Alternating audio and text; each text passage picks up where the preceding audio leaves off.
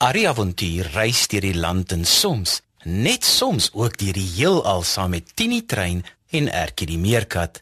Hy's bang vir niks en saam met sy maats verskaf hulle vermaak aan groot en klein. Klim op maats, die storietrein gaan vertrek. Tini is 'n stoomtrein op sy eysterspoor. Arrie is sy passasier, hy soek avontuur. Die Bybel is hul kompas, dit hou hul op die spoor. Van alles wat met jou gebeur, kan jy by hulle hoor. Ertjie is 'n maatjie, 'n meerkat van die veld. Karosie is 'n stoute aap, hy doen gewone kwaad. Ertjie en Karosie en Arrie ook daarbey. Is almal net so spesiaal, so spesiaal soos jy. Kom nou maat skuif nader, luister bietjie daar. Is dit dalk die Tini trein wat ek daar gewaar?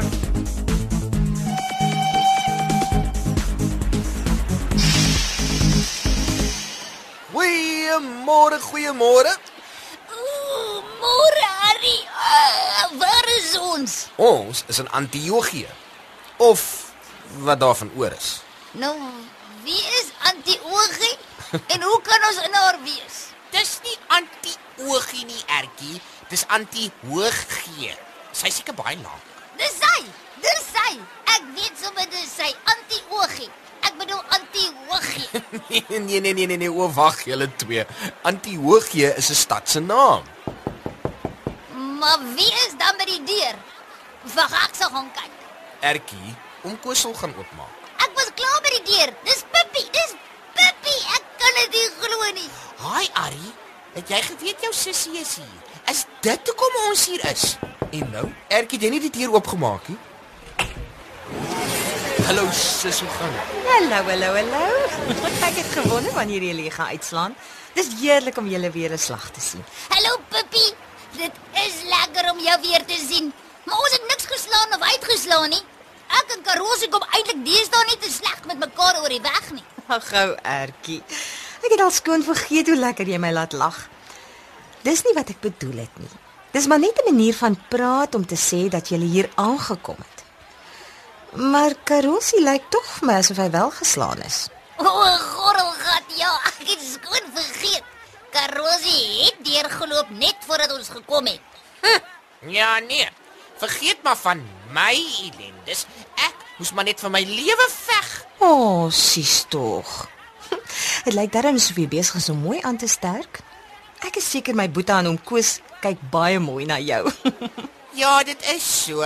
Hulle sorg vir my en vir Ertjie. O, ek kon nie glo dis jy toe ek jou deur die venster sien nie. Ek dink ek weet nou hoe die mense gevoel het toe hulle vir Petrus gesien het nadat die engel hom uit die tronk het laat kom het. Almal het mos gedink hy's nog in die tronk. Ah, so, Arie het julle daardie storie van Petrus vertel. Wel, dan is dit eintlik baie gepas dat ons mekaar hier in Antiochië ontmoet.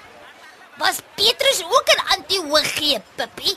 Ek is nie seker nie, Ertjie. Miskien was hy wel een of ander tyd in Antiochië, maar nie kort nadat hy uit die tronk gelaat is nie. Maar die storie van sy vrylating en alles wat Jesus gedoen het, het van Jerusalem tot Antiochië versprei en dit was die tyd van die eerste sendelinge. Uh, Dit is in Antiochië waar die mense wat vir Jesus Christus gevolg het vir die eerste keer Christene genoem is. So dis 'n spesiale plek die. Net so.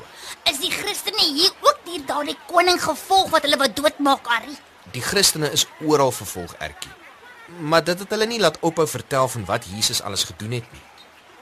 Het niemand ooit in die moeilikheid gekom oor Petrus nie? Ek bedoel, soos die wagte, eh, was die koning nie vir hulle ook kwaad nie? Ai ja. Ek het nooit daaraan gedink nie, Arrie, wat het gebeur? Wel, julle kan seker dink hoe kwaad en de mekaar die wagte moes wees, want dit was hulle werk om hom in die tronk te hou. En hulle kon glad nie verklaar hoe hy sommer net so verdwyn het nie.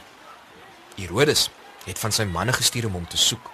En toe hulle hom nie kon kry nie, moet hy die tronkwagte laat doodmaak. O, oh, sis, tog dis daarmee reg nie. Ah ja. Dit was nie die tronkwagter se skuld nie, daardie aaklige koning Herodes. Ek hoop hy was nie baie lank koning nie. Of was hy? Hmm, eintlik nie. Hy het 'n rukkie daarna siek geword en is kort daarna dood. Nou nou toe was die Christene seker nie meer agtervolg nie, né, Arrie? Vervolg, Ertjie, vervolg, nie agtervolg nie. Maar nee. Ongelukkig was die Christene nog steeds in gevaar. Soos daar meer en meer mense van Jesus gehoor het en aan hom begin glo het, so was daar altyd ook mense wat nie van die Christene gehou het nie. Ek ek hoor 'n rivier hier ergens buite. Is dit so? Ja, dis die Orontes rivier. Ons is by die bouvalle naby die rivier. Is daar net bouvalle van die stad oor? Ja, Ertjie. Ons is naby die nuwe moderne stad Antakya. Maar van die oorspronklike besige stad van Antiochië is daar net 'n paar bouvalle oor.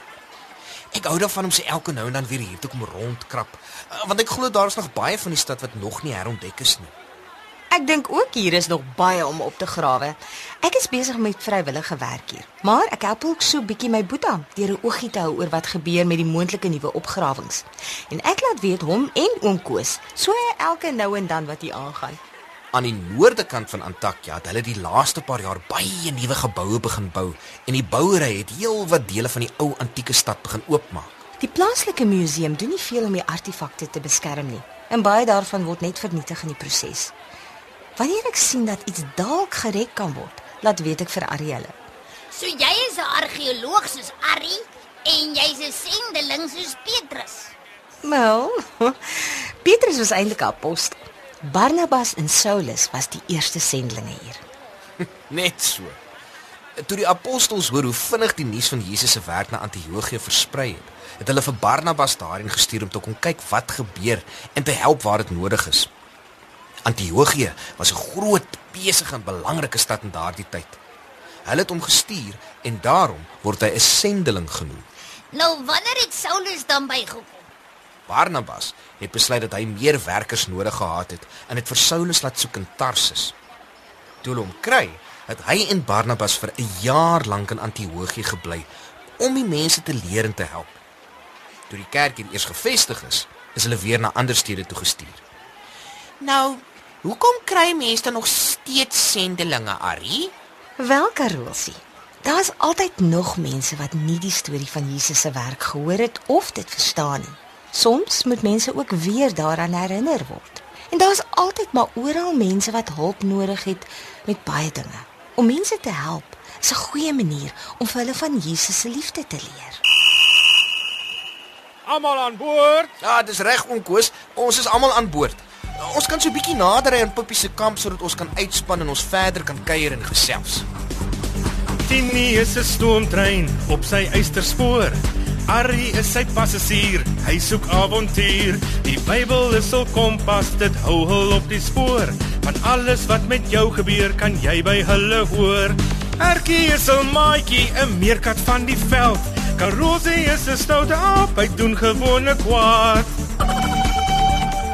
Erkie en Karosie en Arrie ook daarby.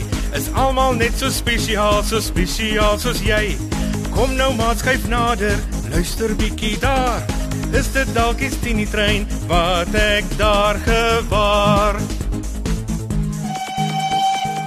Die avonture van Arrie en Erkie is geskryf deur Elsie Stander. Dit word opgevoer onder spelleiding van Lazelle de Bruin, tegnies versorg deur Neil Roo en vervaar deur Worldwide Media.